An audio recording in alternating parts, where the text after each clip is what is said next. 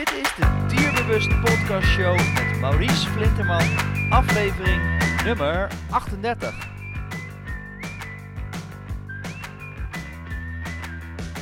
Welkom bij de Dierbewust Podcast Show, waarin je luistert naar experts die je voorzien van de beste informatie, tips en tricks op het gebied van honden. Vandaag gaan we in gesprek met voedingsspecialist Joeke Nijboer. En Joeke heeft vrij recent het boek Rauwvoer natuurlijk in de voerbak geschreven. En het boek gaat over de zin en de onzin over vers vleesvoeding voor zowel honden als katten.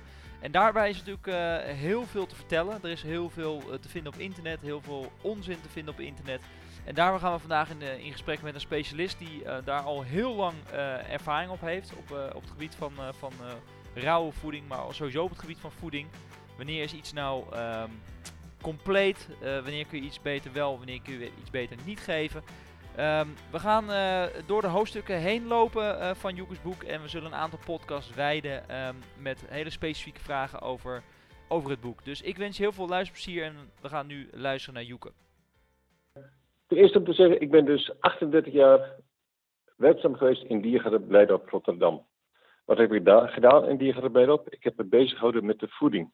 Niet alleen de voeding verstrekken aan de dieren, en, uh, en inkopen, dat soort zaken. Maar vooral bezighouden met het, um, het ontwikkelen van nieuwe voeding en het uitdenken van voeding wat die dieren moeten hebben.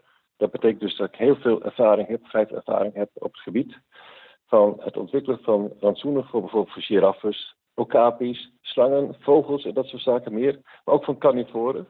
En dus ook veel met honden en katten.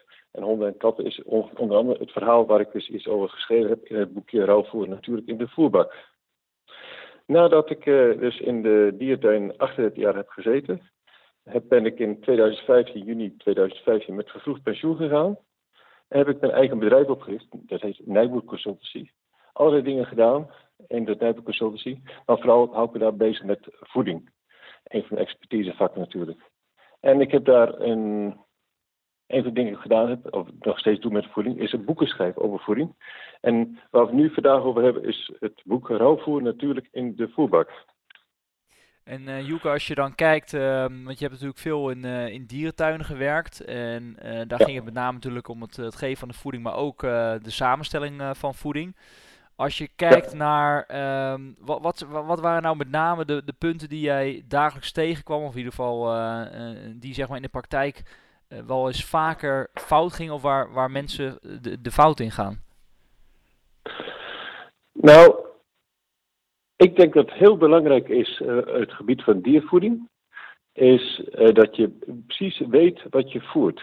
Wat ik heb ervaren heb met de dierenverzorging, heel veel mee te maken hebben. Die mensen zijn zo enthousiast, zoveel liefde voor een bepaalde diersoort, dat ze graag alles willen geven aan het beestje, wat hartstikke belangrijk is. Maar daarom wordt soms wel eens uit het oog verloren wat de dier werkelijk nodig heeft aan allerlei zaken zoals eiwitten, vitamines, vetten en voedingsvezels, dat soort zaken meer. En om daar in principe daar een beetje onafhankelijk in te staan en dat goed nuchter te gaan bekijken en gaan berekenen, uh, dat wordt meestal een beetje vergeten. En uh, omdat mensen te vaak te geëmotioneerd bij een diersoort is. Ik denk ook vaak met honden en katten hetzelfde verhaal speelt dat een mens een graag alles voor zijn huisdier wil geven en daardoor soms de werkelijke waardes van wat een dier nodig heeft eigenlijk het overliet. En daarom heb ik samen het boek met een uh, de rouwvoer natuurlijk in de voerbak geschreven. In samenwerking met iemand van de veterinaire faculteit Utrecht en iemand van de Universiteit van Wageningen in Universiteit van Wageningen om het verhaal eens een keertje goed duidelijk te maken wat nou in principe honden en katten, en in dit geval waar we nu mee te maken hebben, vooral met honden, gevoerd moeten hebben. Ja, en zoals jij het in het boek uh, natuurlijk al aangeeft, het gaat over uh, vers vleesvoeding. Uh, ja. Um, en om daarop in te haken, geef je ook een, een cirkeldiagram in het boek, waarin je uitlegt van wat de belangrijkste ja, um, ingrediënten of de samenstelling is die een hond of kat binnenkrijgt. En daarin geef je aan van ja, een hond is eigenlijk, die stamt af uh, van een wolf. Hè? En dat, een wolf is natuurlijk een echte carnivoor. Kun je daar even wat, in, wat meer op inzoomen waarom wat jou betreft uh, de hond uh, zo dicht op, van een wolf afstamt en zoveel daarop lijkt? Nou, in principe een, een wolf. Er waren natuurlijk, die waren eerder dan honden natuurlijk, want honden stammen af van de wolven. En wat aten de wolven in de natuur? Wolven aten in de natuur vooral hetachtigen, edelherten en zwijnachtigen. En in mindere mate wat besjes en wat eventueel wat gras soms. En wat uh, noten, dat soort zaken meer. Maar ze gingen vooral op jacht op, uh, um, op grote stukken vlees. En uh, ook het systeem is daardoor aangepast dat, dat ze daar specifiek op gemaakt zijn. En uit de wolven, de, de, uiteindelijk waren er een aantal wolven die dichtbij in de buurt van de mensen kwamen. Die wat minder schuw waren voor de mensen dan, uh, dan de andere wolvensoorten. En die gingen meer en meer, min of meer samenleven met de mensen. En dat noemen ze de proto-honden eigenlijk min of meer dus uh, een vorm van domesticatie aanwezig. Dat gebeurde een beetje 18.000, tussen 18.000 en 32.000 jaar geleden eigenlijk. En daar uiteindelijk zijn uiteindelijk dus de honden ontstaan die een soort band met de mensen creëren, waarbij zij dus waakten over de mensen. Dus als iets gevaar dreigde, gingen konden ze blaffen. Of de mensen hielpen met bijvoorbeeld met jagen en dat soort zaken meer. En dus de hond is dus echt afkomstig van de wolf. Ja? Ja, dat staat ook in je boek, hè? Dat DNA eigenlijk nou genoeg, ja. uh, uh, genoeg overeenkomt uh, met elkaar. Ja, ja, ja, klopt. Klopt. ik heb het nu even niet voor me, geloof 89, of sorry, 99,8 of zoiets in die geest. Ik heb het niet in het boek geschreven, maar wel zoiets ongeveer zal ongeveer zo zijn, ja. ja. ja. De, wolven, de honden en wolven komen overeen. Maar ook het verteringsstelsel komt behoorlijk met elkaar overeen. Het wolven is vooral gericht op het uh, verteren van vlees, achtige producten. Een kort darmstelsel vergelijken bijvoorbeeld bij een, een bison of een koe bijvoorbeeld. Of een paard, achter, of, een, of zelfs een varken. En ook een hond heeft een kort darmstelsel. En dat betekent kort darmstelsel betekent dus dat je dus eigenlijk gemakkelijk verteerbare voedselsoorten moet hebben. Want anders kan je niet verteren en uh, kan je geen genoeg voedingsmiddelen via je darm binnenkrijgen in je bloedbaan. En dat is eigenlijk het belangrijkste van het honden, een vergelijking tussen honden en wolven dus. En Joek, als je dan kijkt naar de hoofdzaken, want uh, we hebben natuurlijk uh, heel wat jaren uh, hebben eigenlijk alleen maar hondenbrokken gevoerd. Althans, de afgelopen nou ja, 80 jaar, zeg maar zo'n beetje, is dat natuurlijk iets wat, wat heel veel gepromoot werd. De laatste tijd zie je een verandering dat er steeds meer vers vlees of rauw vlees wordt gevoerd. Wat is wat jou betreft uh, de belangrijkste reden waarom het beter is om rauw vlees te voeren dan bijvoorbeeld een hondenbrok? Ja, ik weet niet of het 100% beter is. Ik weet wel dat het uh, meer natuurlijker is. En een hond heeft natuurlijk ook een aangepast systeem gekregen in de loop van de periodes. Dat ze ook een aantal producten, zoals graanproducten, kunnen gaan verteren. Ook amylase bijvoorbeeld is een product wat dus uh, is, een, is een enzym wat geproduceerd wordt door speeksel alvleesklier. En wordt in principe ook de gebakken verteerbare koolhydraten of koolhydraten af kan breken tot die broksoorten wat opgenomen kan worden. Maar het natuurlijke voer, meer van honden, is wel meer het vlees. En niet in principe de koolhydraten, die afkomstig zijn uit de graansoorten. Maar uh, een hond kan echt wel een beetje aantal um, hondenbroksoorten, goede hondenbroksoorten van leven. Daar ben ik van overtuigd.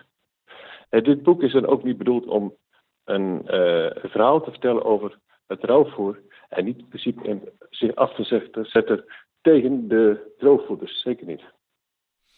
Helder. Um, Joeke, wat je, wat je daarin wel heel duidelijk aangeeft, is dat er, uh, dat, dat geeft je ook wat ik net al zei in een cirkeldiagram aan, dat een hond uh, met name eiwit en vetten nodig heeft en eigenlijk niet zo heel veel heeft aan, aan koolhydraten. Uh, kun je dat, dat de luisteraar even ja, duidelijk uitleggen, want die zien het natuurlijk niet voor zich op dit moment? Nee, dus een overzichtje in het boek staat in, in boekje, rouwvoer natuurlijk in de voerbak. Er staat een overzicht van een, wat een wolven vroeger in de natuur aten. En als je het gaat ontleden in een soort voedingsmiddelen, voedingsstoffen, dan kom je vooral uit op uh, vetten en eiwitten. En het percentage koolhydraten is maar zeer gering. En dat is tegenspraak wat op het de honden krijgen met behulp van droogvoeders vaak. is een groter percentage uh, koolhydraten en een kleiner percentage eiwitten en een kleiner percentage vetten. Maar in de eiwitten en vetten ze vroeger in natuurlijke voeding van de honden en ook van de wolven ook voorkwam. daar wordt ook genoeg hoeveelheid energie uitgehaald voor hun de dieren om te kunnen leven natuurlijk. En nu wordt het ook in, in de hondenbrokken, die energie dus, die in de koolhydraten zit, ook gebruikt voor allerlei functies in de hond zelf om van te leven.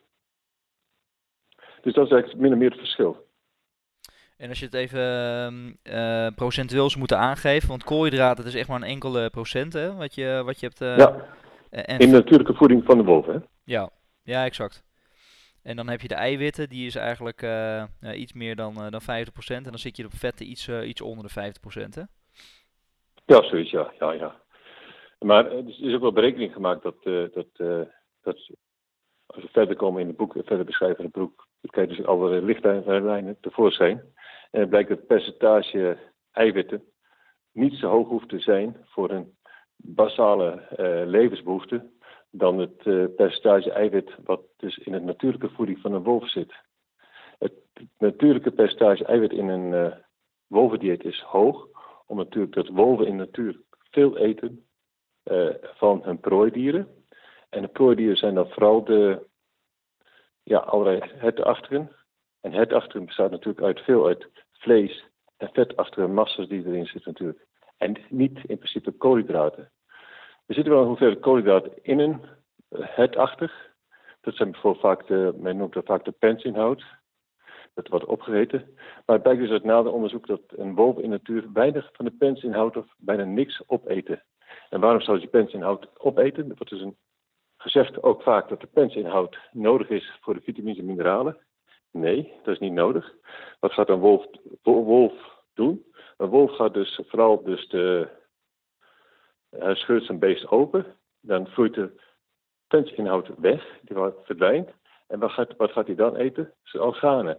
Bijvoorbeeld de levers en de niers en de milt. En die bevat heel veel vitamines en mineralen. En dat zijn natuurlijk essentiële eh, delen voor een, een wolf en dus ook voor een hond. En daarna, als die dingen opgegeten zijn, je vooral de voorpoten, de voorbenen en de achterbenen ook van zo'n het. En dat, dan gaat hij verder op uh, zitten eten. En die bevat natuurlijk een hoeveelheid behoorlijk hoog percentage eiwit en een hoog percentage vet. En uiteindelijk, als hij dan nog genoeg heeft, of nog meer echt honger heeft, dan begint niet aan de pensinhoud, maar aan de penswand. Want de penswand is ook, bevat ook een behoorlijk percentage eiwit en een bepaald percentage vet. Ja. ja. En uh, dus, de, dus de penswand in plaats van de pensinhoud. En dat is natuurlijk met name wat je al zegt, uh, gericht op, uh, op de wolfvoeding die in het wild liepen. En als je dan zeg maar de koppeling zou maken met een, met een huishond, hoe, hoe zou dan zeg maar de, de verdeling er ongeveer uitzien wat jou betreft? Nou, je moet een minimaal percentage eiwit in het voer hebben en een minimaal percentage vet. Dat, die staat weergegeven, dat is berekend, bepaald. Dat zijn de zogenaamde VDAF-lijnen. Komt in ieder geval een van die volgende hoofdstukken wel tevoorschijn. Wat het precies inhoudt en hoe het bepaald wordt. En daaraan moet het rantsoen voldoen, minimaal fatsoen voldoen. En de rest kan allerlei andere materialen eh, bestaan wat energie levert. Dat kan dus in het geval van als je vlees voert, een, een grote hoeveelheid, overtollige hoeveelheid vlees zijn, dus een hoeveelheid eiwit zijn, of een grotere percentage vet wat gebruikt was voor de energievoorziening van de hond. Maar dus moet een minimaal hoeveelheid eiwit uh, bevatten, de voeding, en minimaal hoeveelheid vet bevatten. En als het meer dan een bepaald percentage eiwit of een bepaald percentage vet bevat, wordt die hoeveelheden gebruikt voor energievoorziening, voor het uh, hele leven, het metabolisme noemen ze dat voor een hond. Ja, precies. En, ja. Maar het, het is, uh, het, ik blijf er ook inderdaad wel bij, je hebt volledig gelijk, dat het natuurlijke voeding van een hond vlees is en uh, dat soort zaken. En niet in principe onderbrok. Waar dus heel hoog pellets en heel veel graansoorten in zitten. En heb je dan, um, want je hebt natuurlijk in de dierentuin uh, gewerkt, waar je natuurlijk ja, ja. veel meer carnivoren had dan alleen een, een hond. Um, althans, de, de hond zal daar niet voor gekomen zijn. Maar uh, heb je daar ook uh, zeg maar een soort van geëxperimenteerd hoe honden dan in de praktijk, of uh, honden niet, maar hoe carnivoren zeg maar um, in, um, ja, in, in de praktijk zeg maar reageerden op rauw vlees slash bijvoorbeeld brokken? Of heb je dat nooit kunnen testen? Jazeker wel. Ik heb wel ervaren dat over het algemeen de affiniteit met vlees een stuk hoger ligt bij hond achterin dan affiniteit met, dan met uh, brokken. En ik denk, dus ze eten eerder vlees op, over het algemeen, dan brokken. Je ziet vaak wel een aansting als ze brokken moeten gaan eten. Dus, en op de andere kant is ook gezegd, is het ook voor een mens veel mooier om te zien dat ze een groot stuk vlees opeten natuurlijk. Maar je ziet dus een groot verschil. Je ziet wel zeker een verschil, ja. ja. En als je dan kijkt naar de verschillen, want je hebt het nu alleen over dat ze misschien liever sneller uh, rauw vlees eten. Zie je dan ook nog, uh, want je, hebt natuurlijk net over de vertering gehad en over hoe een hond in zijn algehele uh, zeg maar reageert op, op voeding. Zie je daar nog grote verschillen in? Of?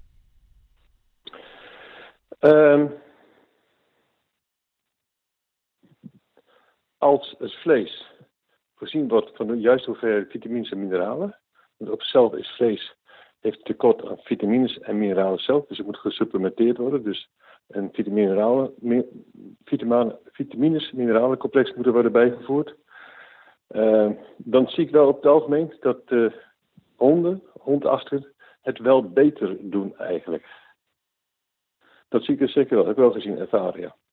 Maar of het met betrekking heeft op alle honden, dat weet ik dus ook niet. En of je het rechtstreeks kunt vertalen naar uh, alle honden bij liefhebbers, ja, dat weet ik ook niet 100%. Sommige honden doen het perfect op hondenbrok, sommige honden doen het uh, uh, perfect op rauwvoer. Wat wel mijn ervaring is, mijn eigen hond. Ik heb een Entelboe twee Entelboe honden gehad. Uh, is dat uh, onze ene hond deed het perfect op het brok, maar onze andere hond kreeg met brok, wat voor soort brok we ook gaven, regelmatig diarree. En als we dan op een bepaald moment rauwvlees gaven, dan herstelde heel snel het, uh, zijn darmstelsel weer. En had hij weer geweldige goede mest. Dus uiteindelijk hebben we besloten, dus deze hond, van het droogvoer af te halen en alleen maar rauwvoer te geven. Dus we zagen wel een verbetering bij onze hond, de ene hond van ons dus, dat hij het veel beter deed met rauwvleesvoeders. Ja, helder Joek. En uh, wat je zegt is ook natuurlijk belangrijk. Hè? Dit is niet alle honden zullen het inderdaad even goed altijd op rauw vlees nee. doen. Dat is natuurlijk een uh, utopie. En daarnaast is het natuurlijk zo dat het ook afhangt van een aantal factoren waar we uh, later ja. in, in het boek ja. nog natuurlijk doorheen gaan lopen. Waar we je volgende keer ook nogmaals voor uit gaan nodigen om, om hoofdstuk 2 okay. onder te bespreken. Wat, wat, gaat, wat ingaat op de, de voedingsbegrippen. Met name over ja, suiker, zetmeel, vezels en nou ja, hoe alles... ja uh, verteerd wordt in het verteringsstelsel. Voor zowel de hond als de kat. Dus um, voor nu uh, wilde ik het zover laten. Uh, Joeke, ontzettend bedankt voor, voor de uitgebreide informatie. Ik hoop dat het voor, voor veel hondenliefhebbers weer een eye-opener is. En um, nou ja, tot, tot de volgende podcast in ieder geval. Oké, okay, graag gedaan. Tot ziens. Oké, okay, tot ziens Joeke. Ja. Bedankt weer voor het luisteren naar onze podcast met voedingsspecialist Joeke Nijboer. En als je iets meer wilt weten, of als je meer wil weten over voeding, dan is dit een absolute aanrader. Omdat er heel veel uh, specifieke informatie in staat waar veel hondenliefhebbers niet aan hebben gedacht of daar niet uh, uh, mee bekend zijn. Dus absoluut een aanrader om dit boek grondig te bestuderen en te gaan, gaan lezen. Um, wil je meer over Joeke weten, dan kun je dat vinden op dierbewust.nl slash 38. Daar zie je een link staan. Daar kun je op klikken en dan kom je ook uiteindelijk bij het boek uit van Joeke rauwvoer natuurlijk in de voerbak. Um, dus ik hoop uh, dat dat duidelijk is. Uh, in, uiteraard gaan we in het volgende gesprek gaan we nog een keer met Joeke um, over uh, voeding in gesprek. Om bepaalde specifieke onderwerpen onder de aandacht te brengen. Dus ik hoop dat je daar natuurlijk weer bij bent. En ik hoop dat je volgende keer weer luistert. Dan spreek ik jou de volgende keer weer. Tot dan.